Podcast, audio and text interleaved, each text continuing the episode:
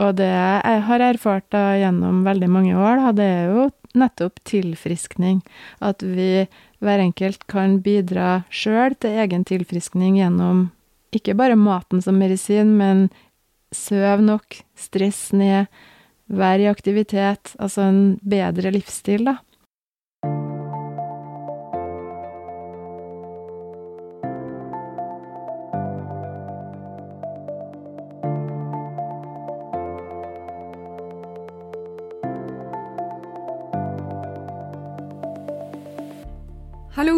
Og velkommen til en ny sesong av Ingefær med meg, Sara Lossius. Ingefær er Norges største helsepodkast som jeg håper gjør deg litt lykkeligere. Og årets første gjest, det er Berit Nordstrand, og det vet jeg mange har gledet seg til. Jeg har gledet meg skikkelig til å komme i gang igjen, og har satt så stor pris på alle kommentarer og meldinger som jeg har fått på Facebook og Instagram i perioden jeg har vært i mammaperm. Lille Lisen hun er nå blitt fire måneder. Og så må jeg si at episoden, i denne episoden nevner jeg boken min Litt lykkeligere, som kommer ut denne uken, så jeg må vel si egenreklame på forhånd for å være på den rette siden. Og boka Litt lykkeligere fins overalt der du kjøper bøker, og jeg er sikker på at du vil like boka hvis du liker ingefær. Akkurat nå så er det annerledes tider i Norge og i verden. Jeg velger likevel å la ingefær ha normalt innhold, dvs. Si hovedepisode på mandag og ingefær-shot med faste spørsmål og lytterspørsmål nå på torsdager. Selv merker jeg at jeg trenger noe av det gamle i det nye, og jeg er jo like interessert i helhetlig helse og et litt lykkeligere liv nå som før korona, og det tenker jeg også gjelder for dere. I denne episoden snakker Berit og jeg om tarmen, vi snakker om mat til barn, om hvordan bygge gode vaner, og litt om hvordan både hun og jeg spiser. Og da jeg lyttet gjennom episoden etter intervjuet, så hørtes jeg skikkelig flinkis ut. Um, og det er litt feil, jeg har dog en mistanke om at jeg spiser noe mer sjokolade enn Berit, men hvem vet. Liker du denne episoden, vil jeg anbefale Ingefærs episoder 145 om helserevolusjonen, 141 om hjemmelaget og ultraprosessert mat, og episode 140 om hvile. For Berit Nordstrand og jeg er inne på også hvordan stress påvirker oss. Men før vi får høre samtalen med Berit Nordstrand, så vil jeg si tusen takk til Fabel, som er annonsør for denne episoden, og en redning for oss hjemme nå om dagen. Mine jenter på fem og syv år elsker heldigvis å høre på lydbok, og nå som vi alle er hjemme og kombinerer jobb med skole og barnehage og baby, er Fabel virkelig gull verdt. På Fabel har mine jenter dilla bl.a. på Brillebjørn og Detektivbyrå nummer to. Detektivbyrå nummer to den varer nesten i en time, og det betyr en times ro i huset til jobb, trening eller annen egentid. Fabel tilbyr nå hele fire ukers gratis lytt om du sender en SMS med kodeord 'Sara' til 2280. Det betyr rolige stunder for oss voksne og gode lytteropplevelser for barn til godt over påske. Så hvis du sender en SMS med kodeord 'Sara' til 2280, så får du fire ukers gratislytt hos Fabel, og tilbudet gjelder kun nye lyttere. Men nå er det nok prat. Over til samtalen med Berit Nordstrand. Velkommen til Ingefær, Berit. Takk skal du ha. Det er veldig hyggelig å ha deg her.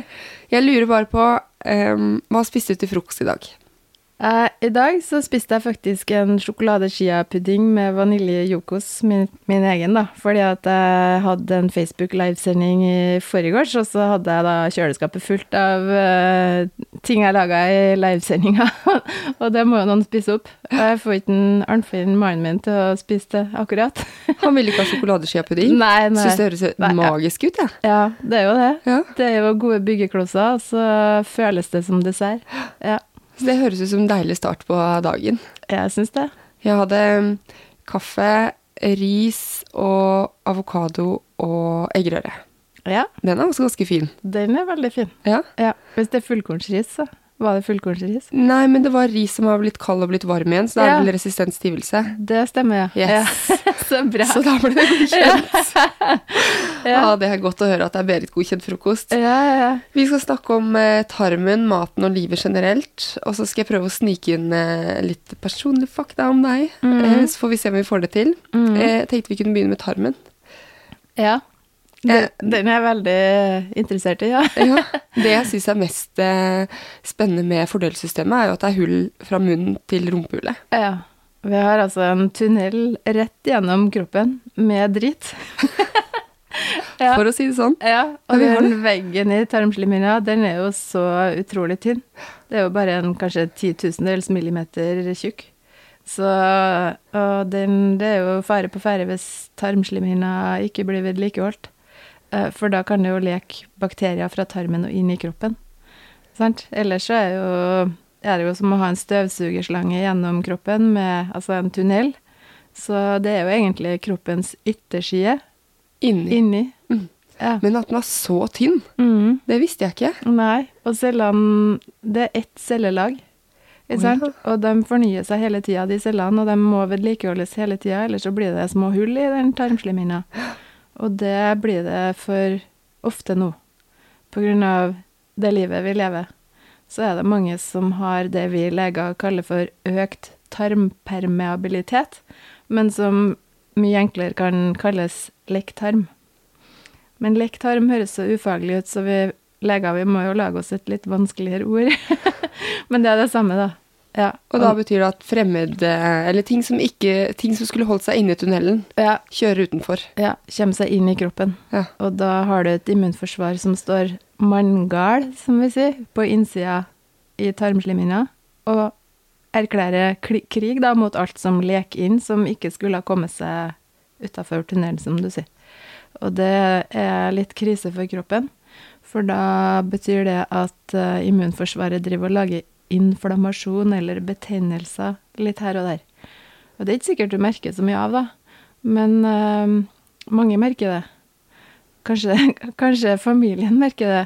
Kanskje det bare merkes ut ifra at du har litt kortere lunte enn du burde hatt. At man er hissig. Humøret dårligere jevnt over. Eh, barn kanskje merker det ut ifra at konsentrasjonen og roa i kroppen er dårlig. Urolig og hissig, sant. Eh, vanskelig sinnemestring, litt atferdsutfordringer, rett og slett. Noen merker det i form av at de får uh, irritabel tarm. Og det Eh, at man har diaré og forstoppelse, typ. Uh, Eller? Nei, at den, at den får litt sånn luftplager og vondt i magen når den spiser sånne for, korte, fordøyelige Altså fermenterbare fiber, sånne FODMAP-fiber. Er det Ja. da man promper og det lukter svovel? Eh, Ja, det òg. Ja. Da har du forstyrra tarmflora, da, for mange av de her svovelprodusentene. Ja. Så lukter råtne egg når du promper. Ja. Ja. Um, men uh, det som er, da, det er at uh, Det er derfor jeg er så engasjert i forhold til tarmen. At tarmen er fylt med tarmbakterier som bør være gode. Du bør ha et godt jordsmonn. Du er en blomst som vokser på det jordsmonnet. Og vi vet jo det, hvis vi snakker med en eh, som dyrker jorda og dyrker grønnsaker, at grønnsakene blir næringsrik og flott hvis det er et rikt jordsmonn. Og sånn er det med også. Du som blomst, du slår ut i full blomstring da, hvis du eh, kan få leve på et rikt jordsmonn. Så jeg pleier å si på mine foredrag da, at eh, vi er jo forskjellige blomster, vi mennesker. Så hvis du er en rododendron, så vil jo du, om jeg tar med meg deg til Trøndelag, og du får litt skrint jordsmonn for rododendron, da, du skal jo aller helst ha sur jord, ja, så vil du bare bli en beskjeden busk i Trøndelag, hvis du slår rot der, på feil jordsmonn. Jamfør feil bakterieflora i en kropp, sant? Men hvis du flytter til Bergen, da, der jeg studerte medisin, da så jeg jo at eh, rododendron i Bergen var jo som svære trær. Så jeg var jo litt satt ut når jeg så hvor, hvordan rododendron egentlig skulle være. Men hvis du lever livet ditt da, på litt svekka bakteriemangfold, du spiser litt dårlig, du stresser mye, sover for lite, ja, så vet jo ikke du at du er rododendron i Trøndelag. Du vet jo ikke hvor glad og tilfreds og sterk og energisk du egentlig skulle ha vært. Med mindre du da kommer deg over på rett jordsmonn en periode, og det er det jeg ønsker å bidra til med omstart, blant annet. da. Bruk 30 dager, og kjenn på effekten på egen kropp. Det er liksom for oss alle. Jeg har tatt mine 30 dager. Jeg syns Funka det for deg òg, som er ganske Ja. energisk fra før? Ja, det gjør jo det. Ja, Min redaktør har tatt det med stor effekt. Og, altså, det er 30 dager av et langt liv for å ja, komme seg over på rett jordsmonn. Men hvis man har litt forstyrra tarmflora nå, det, Jeg har nemlig et spørsmål om det. fordi noen ganger så promper jeg litt egg. Nå var det liksom eh, FYI til Ja. lytterne. Men det får være. Jeg bretter ut sjelen min. Ja. Eh, er det fordi jeg har eh, for mye av de svovelproduserende bakteriene? Hva innebærer det? Hva kan man gjøre da? Jeg, det, jeg er ikke den eneste som Ja. egg. Nei, du er ikke den eneste, og det varierer jo litt fra dag til dag og uke til uke òg. Ja, så det er ja, ja. ikke sånn at du trenger å, Jeg er å ha ikke det sånn. konstant kokt egg. Nei. Nei. Så det kommer jo litt an på hva eh, du har spist og ikke spist. Eh, så hvis du får i deg litt lite melkesyrebakterier, f.eks., Mm. så går jo det ut over eh, fermenteringa og gjæringa nedi tarmen. Ja. Så da kan jo med veldig lite melkesyrebakterier hjem, som jeg eh, pleier å si det, så vil jo et stort kjøttstykke f.eks. kunne gå til forråtnelse nedi mørket bak navlen, istedenfor at du får kappa opp eh, proteinene til fine aminosyrer og får tatt det opp som byggeklosser til kroppen. Så, så både mangel på melkesyrebakterier, fordi vi ikke spiser så mye melkesyregjæra mat lenger, eh, og litt for mye eh, raske karbohydrater og stivelse, kanskje. Mm. Det er ikke sikkert det gjelder deg, da. Um, en antibiotikakur, um, eller stress i seg sjøl. Ikke sant? Uh, nylig blitt mamma. Uh, det er jo stress i seg sjøl.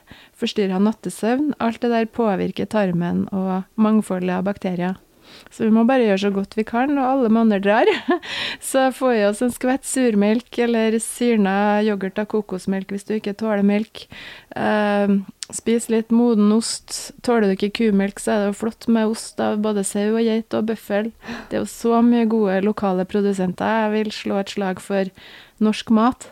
Eh, kortreist.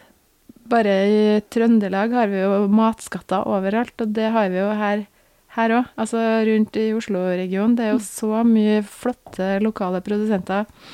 Det å få i seg litt surdeigbrød, f.eks., istedenfor brød med gjær, da følger det gode bakterier med. Jeg gjør det det. Da bør jeg kanskje spise litt av mannen min sitt surdeigsbrød, da. Ja, Det er veldig godt rett ut av ovnen. ja det er jo det. Og jeg spiser skorpa. Han sant? blir så sur. Ja. Men det er så utrolig godt. Men det blir ikke sur av surdeigsbrød, da. Nei, nei, nei. Nei, og det er litt morsomt, da, for det, det bor noen bakterier der som heter lactobacillus reuteri. Eh, og de påvirker faktisk produksjonen av sånne lykkehormoner. Så, du, Det forklarer jo stemningen i huset vårt, si. så jeg pleier å si du blir i hvert fall ikke sur av surdeigsbrød.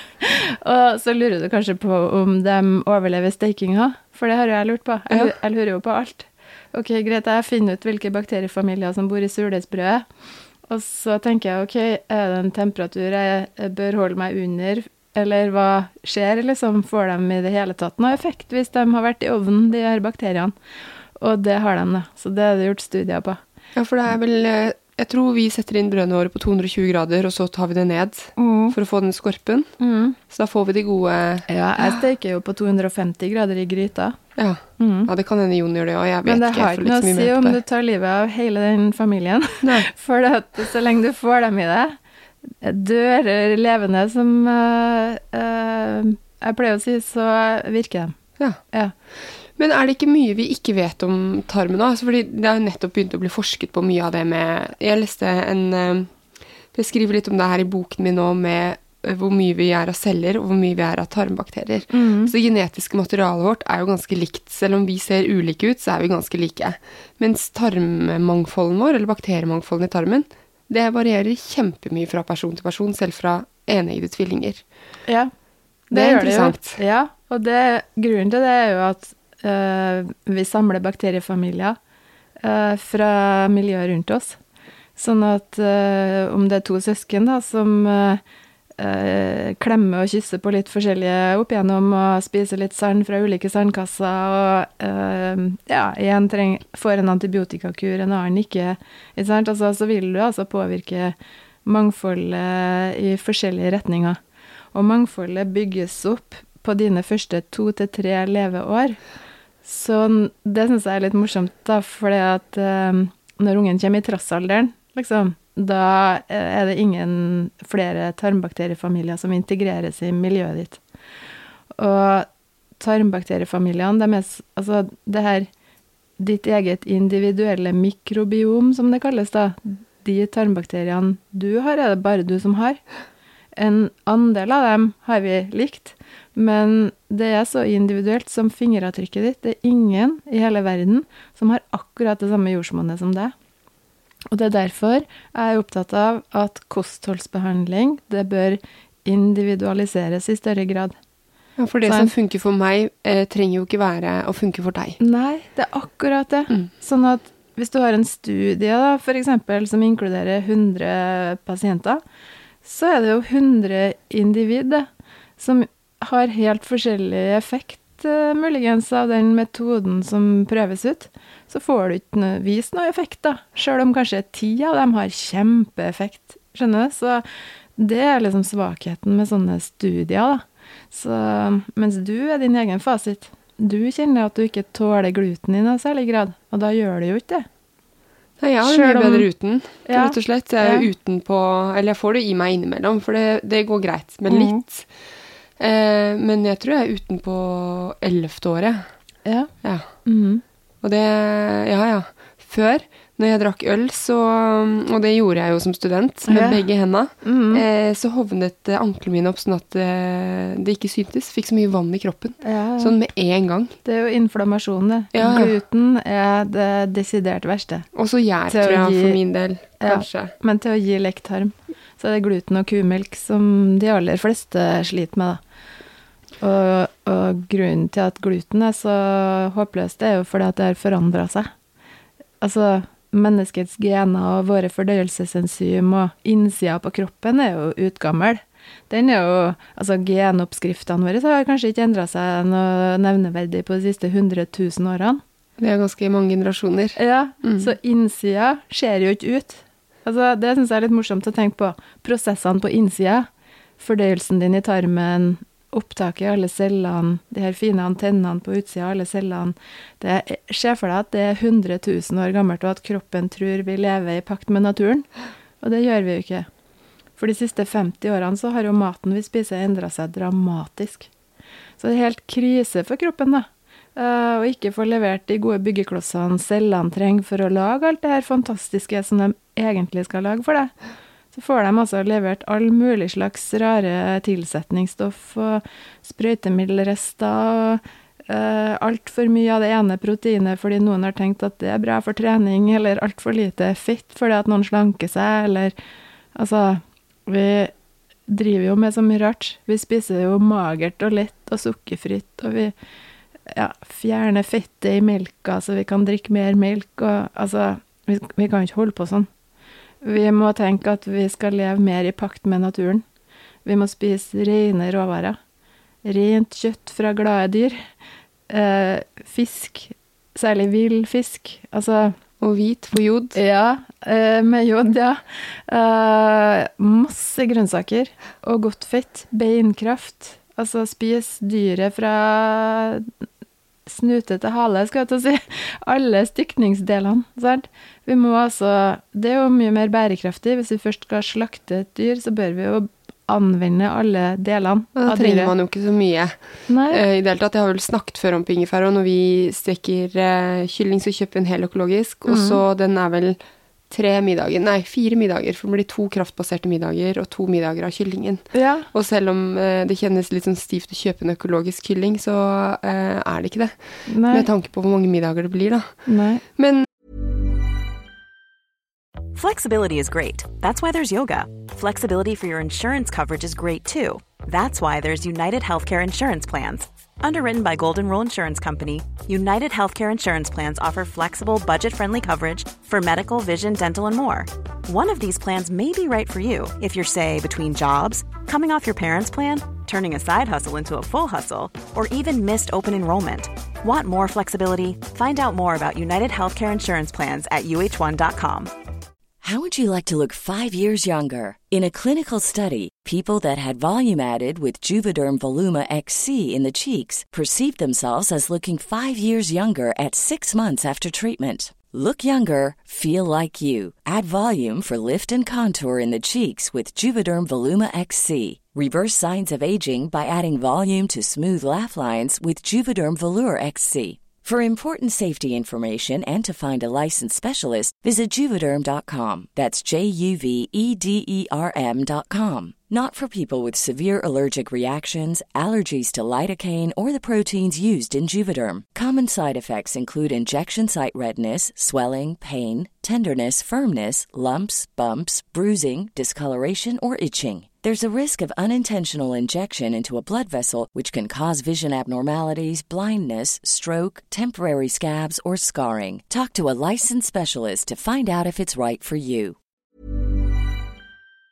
Eh, tilbake til eh, bare litt i tarmen før vi går inn på maten, for jeg har lyst til å nerde litt med mat også. Eh, det er sånn at magen signaliserer til hjernen òg, ikke sant? Absolutt. Så det er magefølelse er ikke noe hippe greier. Nei, nei.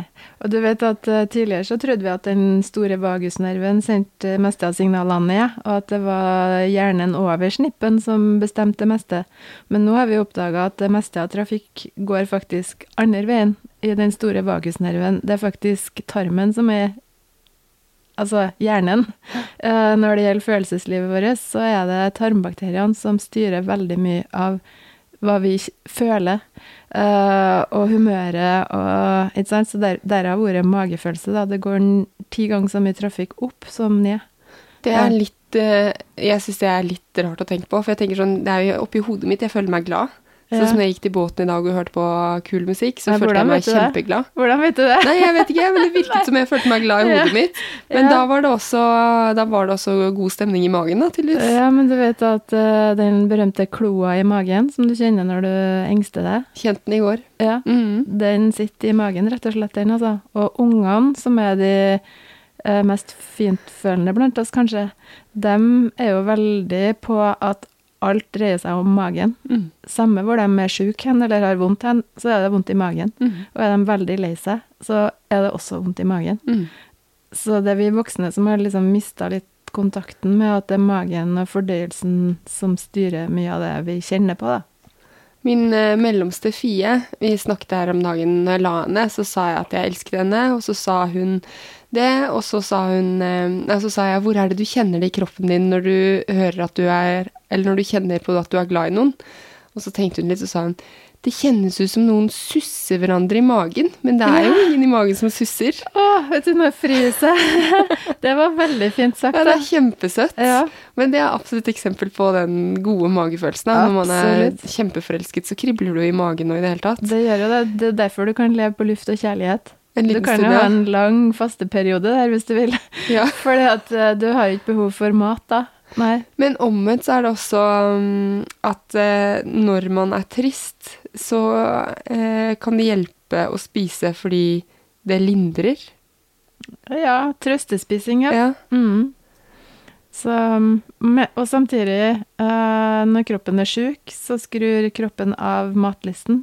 Og det er jo av en grunn, for den skal kanskje ikke drive med fordøyelse. Da. Det er viktigere å få gira opp immunforsvaret og reparert mer enn å, å eh, fordøye maten. Så man trenger Så- ikke alltid tvinge inn mat på barn som ikke spiser når de er syke, med mindre Nei. de virkelig trenger det. Drikke er jo viktig, da. Ja. Ja. Så nei, en trenger ikke å være så stressa på at ungene ikke alltid spiser. De spiser når de er sultne, så det er mye viktigere å gi dem god mat.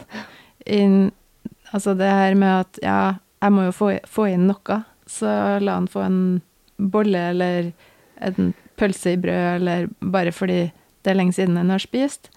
Nei, det eh, får du tilbake, da. Uh, altså det er ikke lurt. For at, eh, da er det bedre at eh, ungen får lov til å bli sulten, og så spise det som du aller helst vil han skal spise, da. Mm. Det er ikke så lett, det der. Nei, det er ikke det. Du har jo nok barn selv. Ja, og jeg har jo seks unger, og de er jo seks forskjellige individ, og hun minste hun er veldig sær i matveien. Så hun må jeg drive og lirke og lure med ennå. hun er 12, blir 13 i april. Um, Mathea heter hun, og faren hennes da, jeg er jo gift og skilt og gift, og holdt jeg på å si skilt igjen, det jobber jeg med, skjønner du. Det er en konstant jobb, det her ekteskapet. Um, det kunne ha vært en egen episode, tror jeg. Men i alle fall, Uh, hun, uh, hun og faren hennes da er veldig like da, i forhold til at de er ikke noe veldig glad i den der bittersmaken i grønnsaker, og det er mer, de er veldig sånn søtnosa begge to. Så mens Mathea har vokst opp med meg da, og vet at byggeklosser i maten er viktig og sånn, så hun styrer jo det her søtsuget sitt, da, men uh, det er hele tida en sånn jobb å få i henne nok grønnsaker, da. Så da lager vi mye smoothies. Grønne smoothies, røde smoothies med noe grønt oppi. Uh, vi bruker da kopper som er tett, lystett, så du ikke ser inn. Fordi hvis en bringebær- og banansmoothie blir litt gusje brun på farge, da vil ikke verken hun eller en Arnfinn ha den. Skjønner du? Fordi at jeg har hatt spinat oppi. Mm. Ikke sant? Hvis du har en hvis du har spinat oppi, det blir jo Du, har, du kjenner jo ikke på smaken, men fargen endrer jo seg. Det gjør den. Og da vil en plutselig ikke ha den. Nei. Men det er litt godt å vite at dine barn, eller at du også kan ha litt kresne barn. Ja, ja. Men de store, de vet hva de får, da. Det, det, men det er kanskje et produkt igjen av at jeg var uh, alene med dem. Ble jo alene med dem. Uh, og uh, ja. Her, altså, da var det bare å ete når maten sto på bordet. Det var litt mer kampen om å overleve, føler jeg. det, men det er litt sånn luksus som man har nå. Når jeg lar barna mine velge hva de vil ha til frokost, så skaper jeg merarbeid til meg selv. Ja. Jeg bør jo bare servere. men Eh, vi kan godt eh, hoppe eller snakke litt om barn og mat nå. For mm. det er jo et mm. tema jeg er eh, naturlig nok opptatt av med ja. barn. Mm. Jeg syns at det kan være litt vanskelig å snakke om nå, fordi at eh, eh fort eh, redd for å tråkke folk på tærne. Mm. Kan du kjenne på det? Ja, absolutt.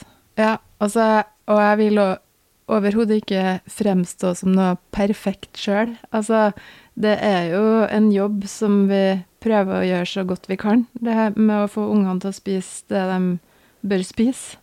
Så de er jo veldig viljesterke, ungene, og det er jo ikke så lett. Så fins det noen smarte tips, da. Jeg har brukt mye sånn premiering og premietavlemetoden. Mm -hmm. um, så ja, hvor du samler stjerner på ei tavle som du bare henger opp på veggen.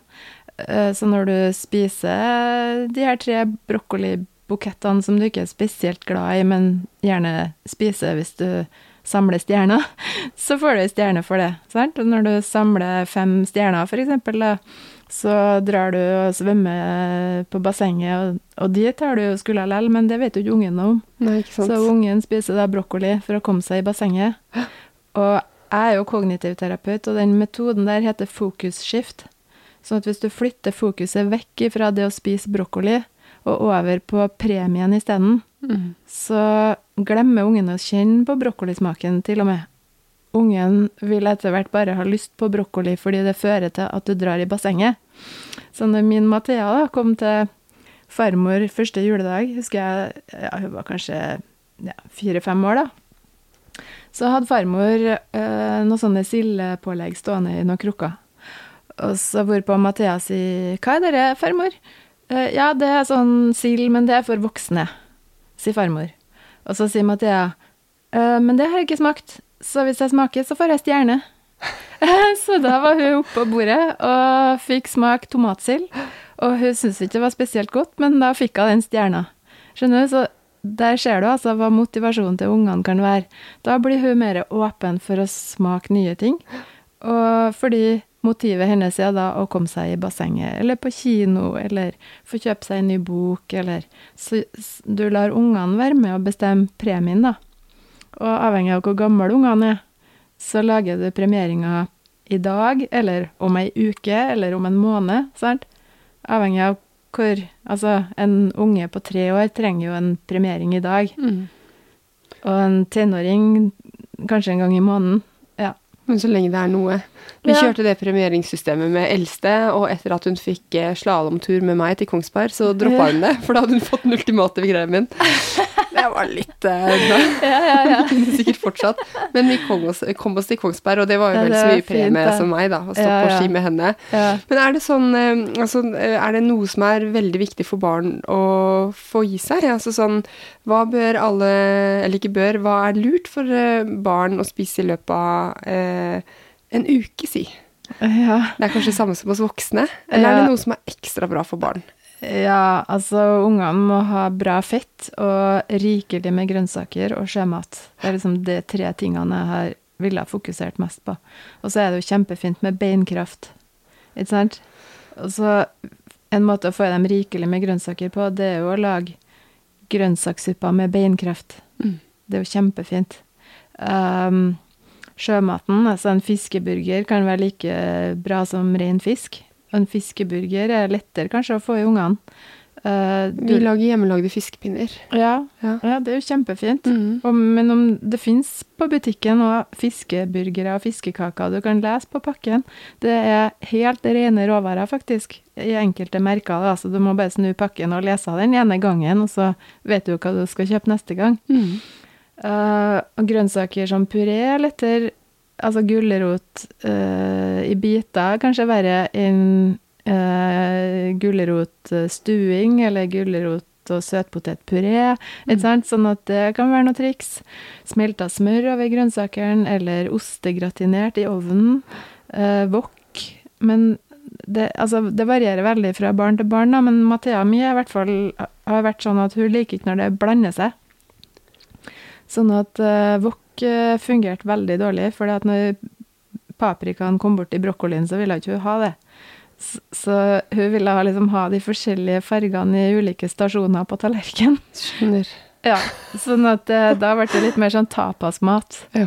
Da uh, stekte jeg uh, grønnsakene i flere runder, og så satte jeg fram i skåle på bordet, og så fikk hun spise litt de fargene hun ville ha. Ja, det, er sånn vi gjør. Fungert, ja. Jentene mine lager ofte gule tacoer. Altså, det er jo ikke så næringsrikt, da. For det er, det sånn, eh, det er maisskjell, og så er det da mais og gul paprika og mango. Ja, Og så litt ja. rømme i bånn. Ja, ja, ja. Men uh, det ser fint ut, liksom. Ja, det er mye gode byggeklosser oppi der. Ja da. Ja. Men jeg opplever ehm, at eh, med Ellie, vår eldste, hun spiste alt, elsket mat. eh, og jeg tenkte sånn Jeg er sjukt god på mat. Men så kom Fia og var litt mer kresen. Så Ja. det er noe med at eh, jeg er blitt mer ydmyk etter at jeg fikk to barn med, med barn og mat. Som er litt litt så- forskjellige. Ja, de er kjempeforskjellige. Mm. Men du, mat som medisin nå. Jeg oppfatter det noen ganger som at, at det virker som det er litt sånn kontroversielt. At man kan spise seg litt bedre. Altså Det er ikke sikkert man blir frisk herfra til evigheten, men Nei. at mat har mye å si. Ja, det har det jo hatt i tusenvis av år. Ja. Så eh, det kontroversielle må jo heller være å behandle alt med kjemi.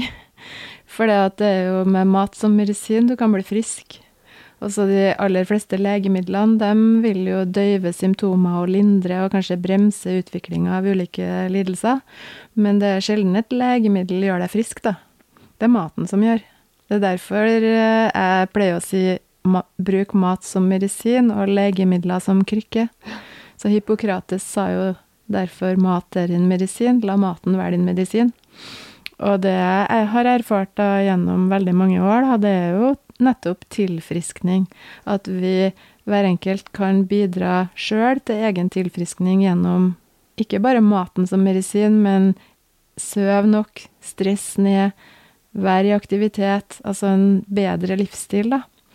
Og 70% av alle fastlegebesøkene nå skyldes livsstilsrelatert sykdom. Og det ligger jo i ordet at de er utløst av din egen livsstil. Og da er det jo ikke kontroversielt å gjøre grep som bedrer den livsstilen, som faktisk da er årsaken til at sykdommen opprettholdes. Det er jo ikke kontroversielt, det er jo sånn vi har gjort i alle generasjoner. Så jeg tenker jo at vi må bli flinkere, vi leger, til å kombinere mat som medisin og legemidler som krykke. Det kalles funksjonell medisin. Å tenke litt mer helhetlig. Og spille på lag med pasienten. Altså, hvis du var min pasient nå, så får du noen oppgaver du tar med deg hjem. Og så har jeg noen oppgaver, ikke sant? Så vil vi være, altså, være mer Vi spiller på lag for å sammen gjøre deg frisk. Mm. Så hvis at du ikke hører etter noen ting, og ikke gjør noe av dine hjemmeoppgaver da, så virker jo ikke mine legemidler like godt heller. Så hvis du bare fortsetter å spise som du gjør, så må du kanskje ha, ha betennelsesdempende legemidler hele resten av ditt liv, og vondt i muskler og ledd, og kanskje du kjenner på betennelser som flytter seg litt rundt i kroppen, og du har en tarm som er litt irritabel, og det er masse du ikke kan spise, og humøret hopper litt opp og ned, og skjønner du? Altså, det går utover livskvaliteten. Og jeg jobber på altså det, For meg er det en lidenskap. Jeg, det er så mye kunnskap ute der som gjør at vi alle sammen kan få det litt bedre. Og jeg unner bare alle sammen å ha det godt. Med litt mer energi, f.eks.? Ja, til det som er viktig for deg i ditt liv. Ja. Og det er jo bare snakk om god mat. Det er jo faktisk sånn som jeg pleier å fleipe litt rundt uh, temaet òg, at uh, jeg kaller det Nordstrand gourmet det jeg spiser. Jeg føler at vi koser oss ekstra. Jeg føler ikke at vi er på en slags diett. Vi spiser jo bare kjempegod mat. Og så altså, spiser vi da mat som holder oss friske. Så vi lager jo oss gode sauser, vi spiser mat av grønnsaker, ikke sant, Ren, rene råvarer, kjøtt, fisk, altså egg, ost, det som faktisk er mat i naturen. Men det tar jo litt lengre tid. Hva tenker du når ja. det er at um, vi har gode rutiner hjemme på å lage mat, men jeg merker jo nå, som jeg har to jenter og en baby og jobber, mm. at det å lage mat Altså, vi gjør det jo, for jeg prioriterer det, men noen ganger skulle jeg ønske at jeg bare kunne slenge en ferdig pizza i ovnen. Ja. Men jeg gjør det ikke. Men jeg skulle bare ønske at jeg kunne det, skjønner du? Ja. Fordi det tar jo kortere tid. Ja. Men uh, da når jeg hadde så små unger som du har, mm. så flytta jeg middagen til kveldsmaten. Sånn at uh, vi skulle ingen plass når jeg skulle lage middag. Da hadde jeg tid til å lage middag sammen med ungene når de var store nok til å hjelpe til litt. Sånn at når jeg kom hjem i full fart fra jobb da, og innom barnehage og skole og hente og greier, og vi vel var i hus, så åt vi kveldsmat. Vi tok en yoghurt og litt granola, eller kanskje bare en banan og litt nøtter, eller litt frukt, og ikke sant, annen frukt, og, eller ja, havregrøt eller noe annet. Typisk kveldsmat. Uh, og så for vi ut, da, på turen og taekwondo og dans og det ungene var med på. Så når vi kom tilbake igjen, da, da var kanskje klokka halv sju-sju, og da kunne vi lage kveldsmat som middag. Og da får du en helt annen ro rundt det middagsmåltidet. Det et tips fra meg da, for å komme seg litt ut av den tidsklemma. Mm. Og så skal du jo eh, Du har jo lyst til å være sammen med ungene dine eh, og gjøre noe i lag. Og da tenker jeg at vi må i større grad ha den her kjøkkenstunda i lag. At vi holder på på kjøkkenet, og vi skravler, og vi rører i grytene, og alle sammen gjør litt. Da blir det fortere ferdig òg. Og litt mer kaos. Ja, litt mer kaos. Men det er ikke så farlig om det detter ned litt på gulvet. ikke sant? Ta en voksduk og bare dekk kjøkkengulvet med voksduken. La ungene få sitte på voksduken og knekke gulrotbiter og rive sund salatblader og komponere sin egen salat da er sjansen for at de har lyst til å smake på sitt eget mesterverk eh, ganske mye større enn om du serverer dem en ferdig, fint oppkutta salat fra kjøkkenbenken. Det, det, er sant, det, altså. Det er sant. Og så er det ikke så nøye, liksom, om du er litt sliten og Ja, lag en regnbueomelett. Pannestek litt grønnsaker og slå eggerøre over. Det ble middag i dag. Det er byggeklosser, liksom. Det er ikke så farlig. Det må ikke være det folk tenker er klassisk middag hele tida. Du kan lage litt todagersmiddager òg. Du lager f.eks. en kjempestor porsjon med hjemmelagd tomatsuppe fra buen. Og så spiser du det én dag uh, med eggebåter i, eller sant? Og så har du igjen tomatsuppe. Så kan det være saus til uh, noe pannestekt fisk neste dag. Eller kjøttsaus til eller, spagetti. Eller kjøttsaus til spagetti. Ja, jeg vil gjerne ha hjem fisk, da. Men du kan jo ha fisk i pastaen, du. Hvis du vil. Absolutt. Ja. Ja, ja. Mine er ikke heldigvis veldig glad i fisk, så, eller de er det, så jeg tenker ikke på det som en utfordring. Nei, Men så todagersmiddager er tips, da, så du slipper å lage middag hver dag. Mm. Lag bare dobbelt så mye. Det har jeg gjort i alle de år. Og så for ja. vår eh, del, for å ta det er Vi har jo koker masse kyllingkraft, så vi har det terninger i, i um, frysen. Ja. Og det er enkel suppe. Ja, det er kjempefint. Det er det, men jentene nå er de lei av det, bortsett fra mm. fiskesuppe. Så mm. de, vi har suppestopp mm. for å få i mat. Men ja. er, det, er, det, noe mat som er eh, bra for oss, og noe som er dårlig for oss, hvis du skjønner? Eller er det litt sånn gråsoner? Ja, mengder. Det er sikkert alt det, det du sier nå. Men uh, det er noe mat som er dårlig for oss, ja. Det er uh, sukker og uh, moderne hvetemel. Det, det her sterke glutenet og den hveteproteinet som har endra seg gjennom det her tvangskryssinga vi har bedrevet vet, med hveten de siste 50 årene. Um, så sukker vet vi jo eh, svekker tarmbakteriemangfoldet, og sukker og moderne hvete bidrar til lekt tarm og inflammasjon. Gluten, ikke sant. Um, jeg, jeg sier ikke at alle skal være uten gluten, men det er så mye bedre for oss da hvis vi kan velge de litt mer hardføre, gamle kornsortene med svakere gluten i. Typ Som- emmer og spelt og sånn. Ja, urkorn. Mm. Som er bedre tilpassa oss da, gjennom evolusjon. Sant? Vi har fordøyelsesenzym som lettere klipper opp det typ den gamle sorten gluten enn den her nymoderne, litt harde, kraftige ja, supergluten, som jeg litt sånn tøysete har kalt det. Eh, Men det er et fint bilde på, da. Um, så det syns jeg vi skal minimere veldig. Og da tenker jeg ikke at vi skal feire bursdager med gulrøtter, men eh, har vi bursdag i en barnehage flere ganger i uka, så da kan det ikke være kaker og kjeks. Det går ikke. Da må du feire bursdager med fruktsalat og smoothie. Hjem så kan vi jo ha Altså, vi kan jo ha en skrotmatdag i uka, som jeg pleier å si, da.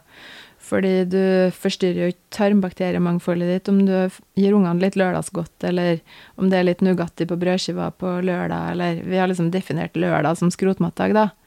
Men det som skjer når ungene er vant med å spise veldig næringsrik og god mat, så er de ikke like glad i det søtklisjet på brødskiva heller, for det er jo mye bedre med omelett eller egg og bacon eller ja, hummus og avokado for den del. Så jeg erfarer i hvert fall med egne barn at de fråtser ikke akkurat i godteriskåla. Det er ingen som er spesielt glad i godteri, for de er ikke vant med å få så mye heller. Så det de syns ikke det smaker noe godt. Brus er det ingen som drikker. De syns det smaker ekkelt. Så vi drikker kombucha. Det lager jeg sjøl. Du trenger ikke å lage det sjøl, for at nå har det begynt å komme i butikken. jo- ja. og helsekost og annen plass. Men apotek og um, Men det er jo dyrt, da, så det er jo lurt å Det er mye billigere å lage, lage selv. Ja. Utfordringen er jo at det tar litt lang tid. ja, du drikker det opp før du får Det er sant. Så vannkefir er lettere da, men det, det glemmer jeg hele tiden. Så hver gang jeg har vannkefirkorn, så, så dør de. Ja. Eh, og det er litt dumt. Ja. Men er, litt rå eplesidereddik i drikkevannet, Ja. for eksempel, det vil jo da være en flott eh, sånn lynrask måte å få i seg melkesyrebakterier på. Eh, I, en, I drikkeform. Litt Ja. sitron og rå eplesidereddik, det er jo smakssatt vann. Supergodt. Litt før middag. Ja, tar du litt uh, kullsyrevann da, så har du litt sånn kosedrikk. Um, ja, så melkesyrebakterier er viktig å få i ungene òg, så lager du en smoothie, så har du litt rå eplesidereddik i den òg. For at ungene da skal få medsendt melkesyrebakterier og enzymer til å klippe opp de her grønnsakene og frukter og bærene som du har i smoothien. Ikke sant? Som Ja. får hjelpe fordøyelsen. Ja, Men det er jo en del andre ting som hjelper for, eller er um, mot fordøyelsen. Og du har vært inne på det, og det er med livsstilen, ikke sant. Mm. Hva er det som gjør med at uh, det kroniske stresset, ikke nødvendigvis det akutte, men det kroniske stresset som mange opplever uh, i kortere eller lengre perioder, hvorfor er det så eh, Hvordan Farlig. påvirker det tarmen vår? Ja, det som skjer da. Eh, da må vi tilbake til innsida igjen, som er så gammel.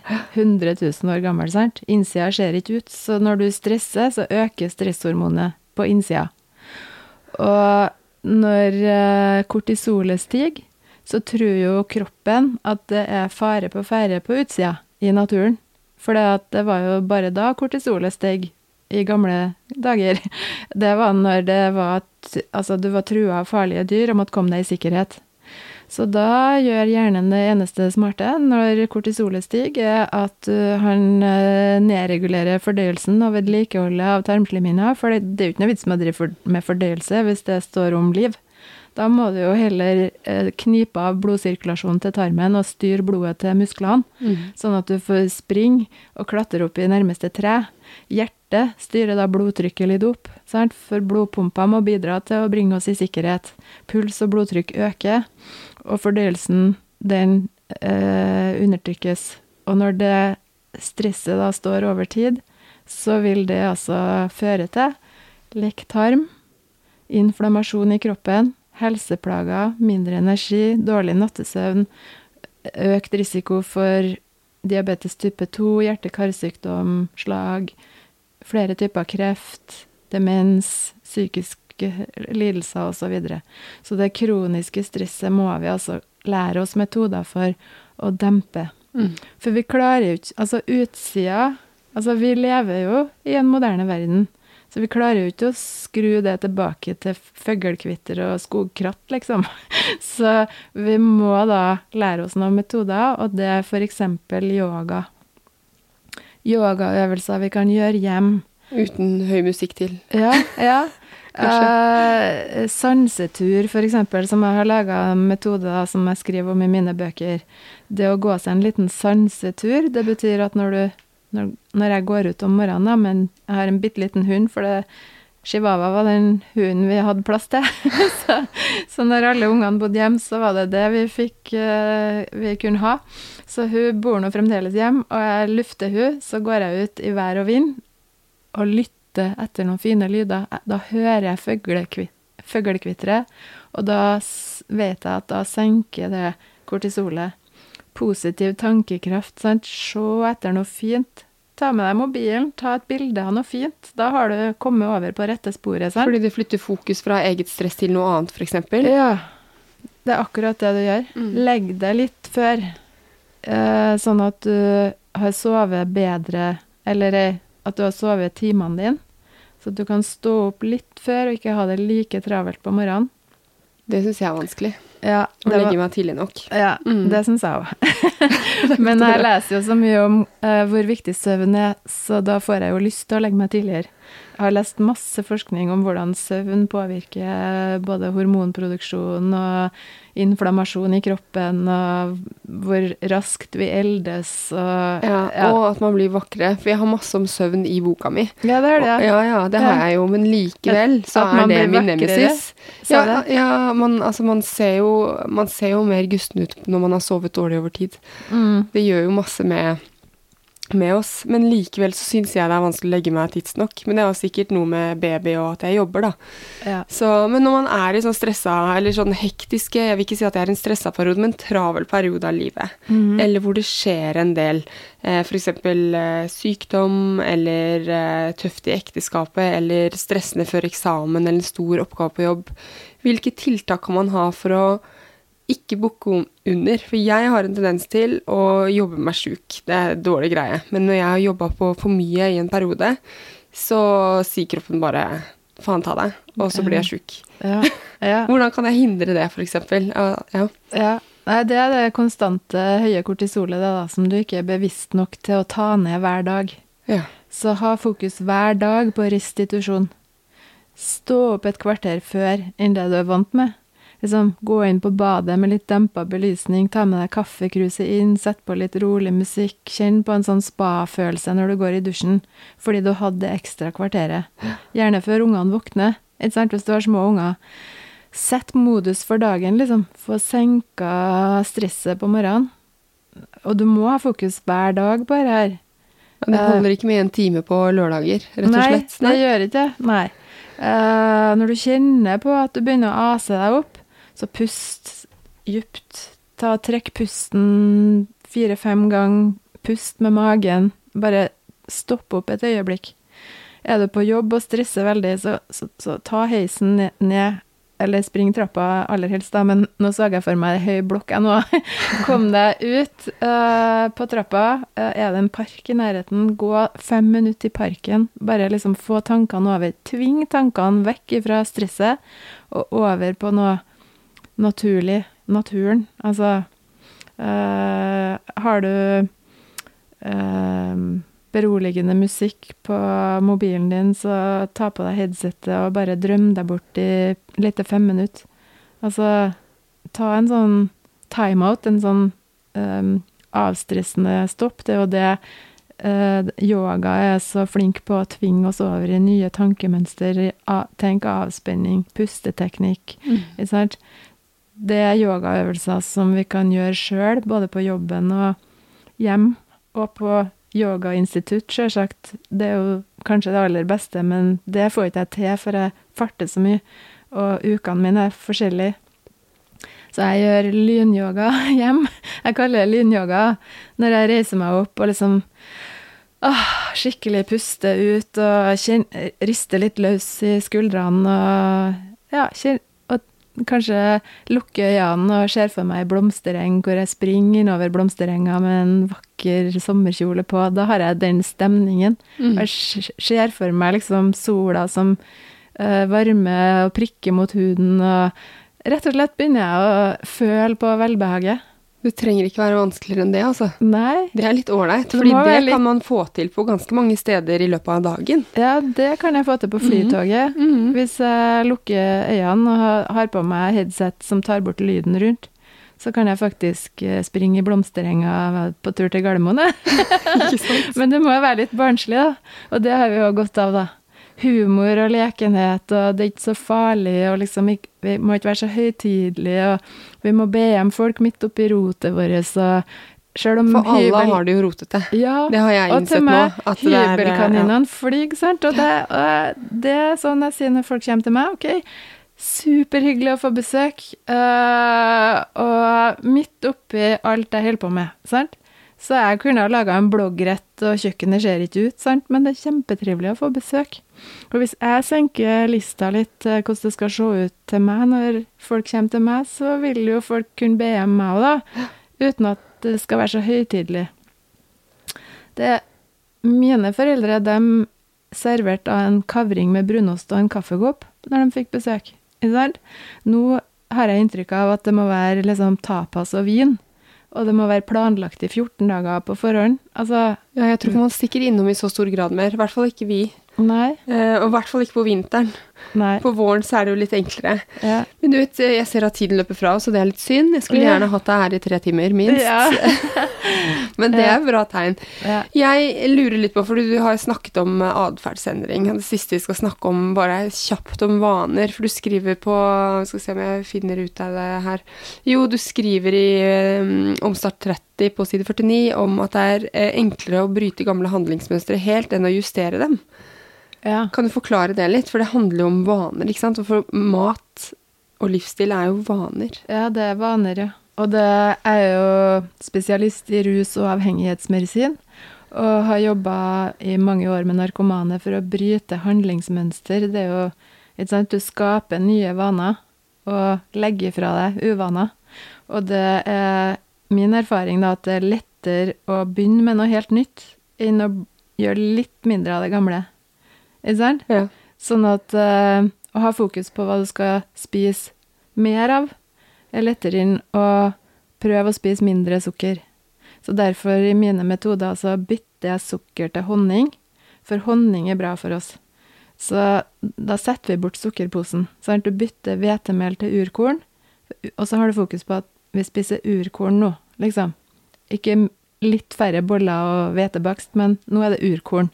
Så vi begynner med noe helt nytt. Klarer vi å forholde oss til det? Altså etter hvert som vi kjenner på at kroppen fungerer bedre, og vi kjenner på mer energi og velbehag, så er det jo de nye vanene vi elsker. Ikke sant? Så med Omstart 30 så skal du jo gjøre ganske mye nytt i 30 dager. Ja, for, um, for folk som ikke spiser sånn i det hele tatt, eh, er det jo en stor overgang å ikke spise noe melk, ikke korn, bortsett fra du bruker vel en glutenfri Ja. melmiks, og mm. ikke spise eh, belgfrukter, f.eks. Så det er ganske likt Hold 30 og paleo, egentlig. Ja, egentlig. Ja, det er jo det. si. Mm, men du tvinges over i et spor, da. Gjennom at du får uh, vite akkurat hva du skal spise. Til, du får uh, masse gode oppskrifter på frokost, lunsj og middagsretter som du kan lage. Og du får vite eh, hvilke råvarer du skal bytte ut med hva. Og så setter du deg en startdato, og så har du kanskje laga i stand noe, ja, sånn som kraft, eller Du må jo ikke det heller, den kan du jo kjøpe på butikken på forhånd, da.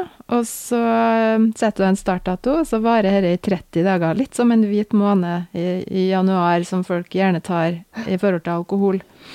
Så spiser du så riktig som mulig da, i 30 dager, så kjenner du på effekten. Og så hører jeg jo Altså, det er jo helt fantastiske eh, forandringer som skjer. Og folk oppdager jo nye sider ved seg sjøl. Humøret bedrer seg, inflammasjon dempes, kroppen virker bedre, allergi lindres. Altså, det er utrolig tilbakemeldinger jeg får på den metoden her. Så folk blir nysgjerrige på å prøve, da. Jeg vil teste liksom hva omstart gjør for meg. Eh, og jeg tenker vi alle sammen har godt av det. For det at vi har alle sammen litt stress i livet. Vi, vi spiser dårlige perioder. Vi eh, har kanskje tatt noe legemiddel eller antibiotika eller et eller annet som har påvirka tarmbakteriene. Altså, la oss ta en omstart for å få blanke ark, liksom. Litt sånn. Og hele familien kan gjøre det. Ungene har jo kjempegodt av det, dem òg. Det er jo ingen som har dårlig Eller som har vondt av å være uten gluten i 30 dager. Det er jo ingen som har vondt av. Og når vi er ferdig med de 30 dagene, så er vi over på ja, tarmens medisin. Altså helt vanlig mat med urkorn og med syrna meieriprodukt og ikke sant. Vi skal ikke være uten kumelk og gluten i lengre tid. Det er bare mens vi reparerer lekktarm og demper inflammasjon og liksom får ja, en omstart, da. Blanke ark. Så jeg tok jo tittelen ifra min egen Mac, for den ber jo meg om en omstart når jeg ikke har oppgradert programvaren på en stund. Og, så rett og slett å reparere litt? Ja, å reparere litt. Uh, og få ny programvare som går litt bedre. Sant? Og det blir litt sånn du får ny programvare i kroppen av å ta en omstart, da. Jeg tok Whole 30 for Og det er neste samme. Det er godtamelk så mye søtt i det hele tatt. Det er litt andre ting, da, men det er mye av det samme. Ja. Dette har jeg tatt et par ganger når jeg drev med crossfit før i tiden. Ja. Eh, og det jeg opplevde da, var at eh, når jeg spiste vanlig søtt igjen, så var det for søtt. Ja. Det var interessant. Ja, men du vet uh, altså, det, var, det, blir sånn, det, blir så søtt at det stikker. Nå som jeg har vært eh, ammet og, og sånn, så syns jeg det søte ikke er så søtt, hvis du skjønner. det tar litt mer til det. Ja. Det er det. Men en siste ting om vane. Det er Du sa noe interessant. For det eh, når du koker kaffen om morgenen, mm. så, eh, eller når du lager deg kaffe med kaffemaskin, så tar du pushups. Jeg har en kompis som står på henda. Ja. Og det, jeg syns det er en fin måte å få til bra vaner rundt et eller annet, med å putte noe man gjør i løpet av dagen, og så tar man noe ønsket samtidig. Ja, og der er avhengighetsmedisineren igjen, da, vet du. For det, det, handler om å skape mønster uh, og koble ting du helst vil huske på å gjøre i løpet av en dag, f.eks. å ta pushups eller situps eller hva det skulle være, til noe du gjør fra før. Så hvis du hver dag lager deg kaffe, så tar du armhevinga mens du venter på at uh, kaffekoppen fyller seg, hvis du har ei sånn lita kaffemaskin, da. Uh, hvis du ser nyheter hver dag klokka ni, f.eks., noe som veldig mange gjør, så kan du ta armhevingene da. Når nyhetene begynner, så er det bare fem minutter inn i nyhetene, og så er du ferdig med armhevingene. Eller du tar knebøy, eller sitter på en pilatesball, eller setter en trimsykkel foran TV-en, eller jeg vet ikke hva. Men at du kobler aktivitet på andre ting du gjør fast, for ellers så glemmer du det. De ryggøvelsene du skulle ta for den dårlige ryggen, du glemmer det hvis du ikke kobler dem på nyhetene. Så når nyhetssignalet på TV-en kommer, så er det sånn Ja, det var de ryggøvelsene, ja. Eller jeg liker å koble ting til tannpussen. Så jeg tar jo f.eks. knebøy når jeg pusser tennene. Det er jo ikke noe vits i å stå rett opp og ned og ikke ta knebøy. Så du får gjort knebøy og armøvinger hver dag? Ja, jeg gjør det. Det er ganske bra for ja. bodyen. Ja, og planken og litt uh, situps. Ja. Jeg har noen sånne øvelser som jeg, jeg er jo gammel turner, jeg. Så fra jeg var lita, så fikk vi jo levert ut et sett av øvelser vi skulle ta da, uh, i turn. Og det gjorde jeg, da. Så jeg er liksom vant med det sånn, da. Og for å huske på det når jeg hadde små unger og jobb og var eh, i perioder alene med ungene, så mm, måtte jeg koble det Jeg måtte lage en struktur og et system for å huske det. Og, og da tenker jeg du trenger jo ikke å lage seks unger for at det skal bli kaos. og at du trenger... Jeg syns det er kaos med to og et halvt, jeg. Ja, ja, det er jo kaos med én. Jeg følte det ble kaos med én, jeg. Ja, så de tipsene som jeg har utvikla for meg sjøl med seks barn, de funker jo akkurat like godt med én. Eller null. Ja, ja. det òg. Ja. Men Berit, tusen takk for at du var på Ingefær. Du, veldig hyggelig å bli buden. Jeg har gleda meg skikkelig. Takk. takk for meg. Sånn, det var episode 148 av Ingefær podkast med gjest Berit Nordstrand og meg, Sara Lossis. Berit Nordstrand hun finner du på beritnordstrand.no. Den nye boken hennes heter altså Omstart, og meg finner du hovedsakelig på Instagram under Sara Lossius og i Facebook-gruppen Ingefær podkast med Sara Lossius, og på saralossus.no. Og boken min, Litt lykkeligere, får du altså der du kjøper bøker. Inntil vi høres på torsdag med Ingefær Shot, ta vare på deg selv og de du er glad i. Ha det.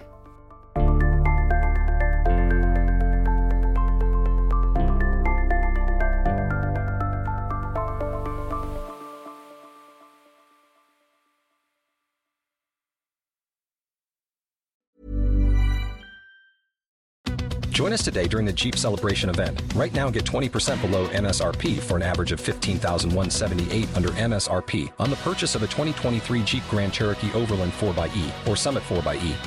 Not compatible with lease offers or with any other consumer incentive offers. 15,178 average based on 20% below average MSRP from all 2023 Grand Cherokee Overland 4xE and Summit 4xE models in dealer stock. Residency restrictions apply. Take retail delivery from dealer stock by 4 1. Jeep is a registered trademark.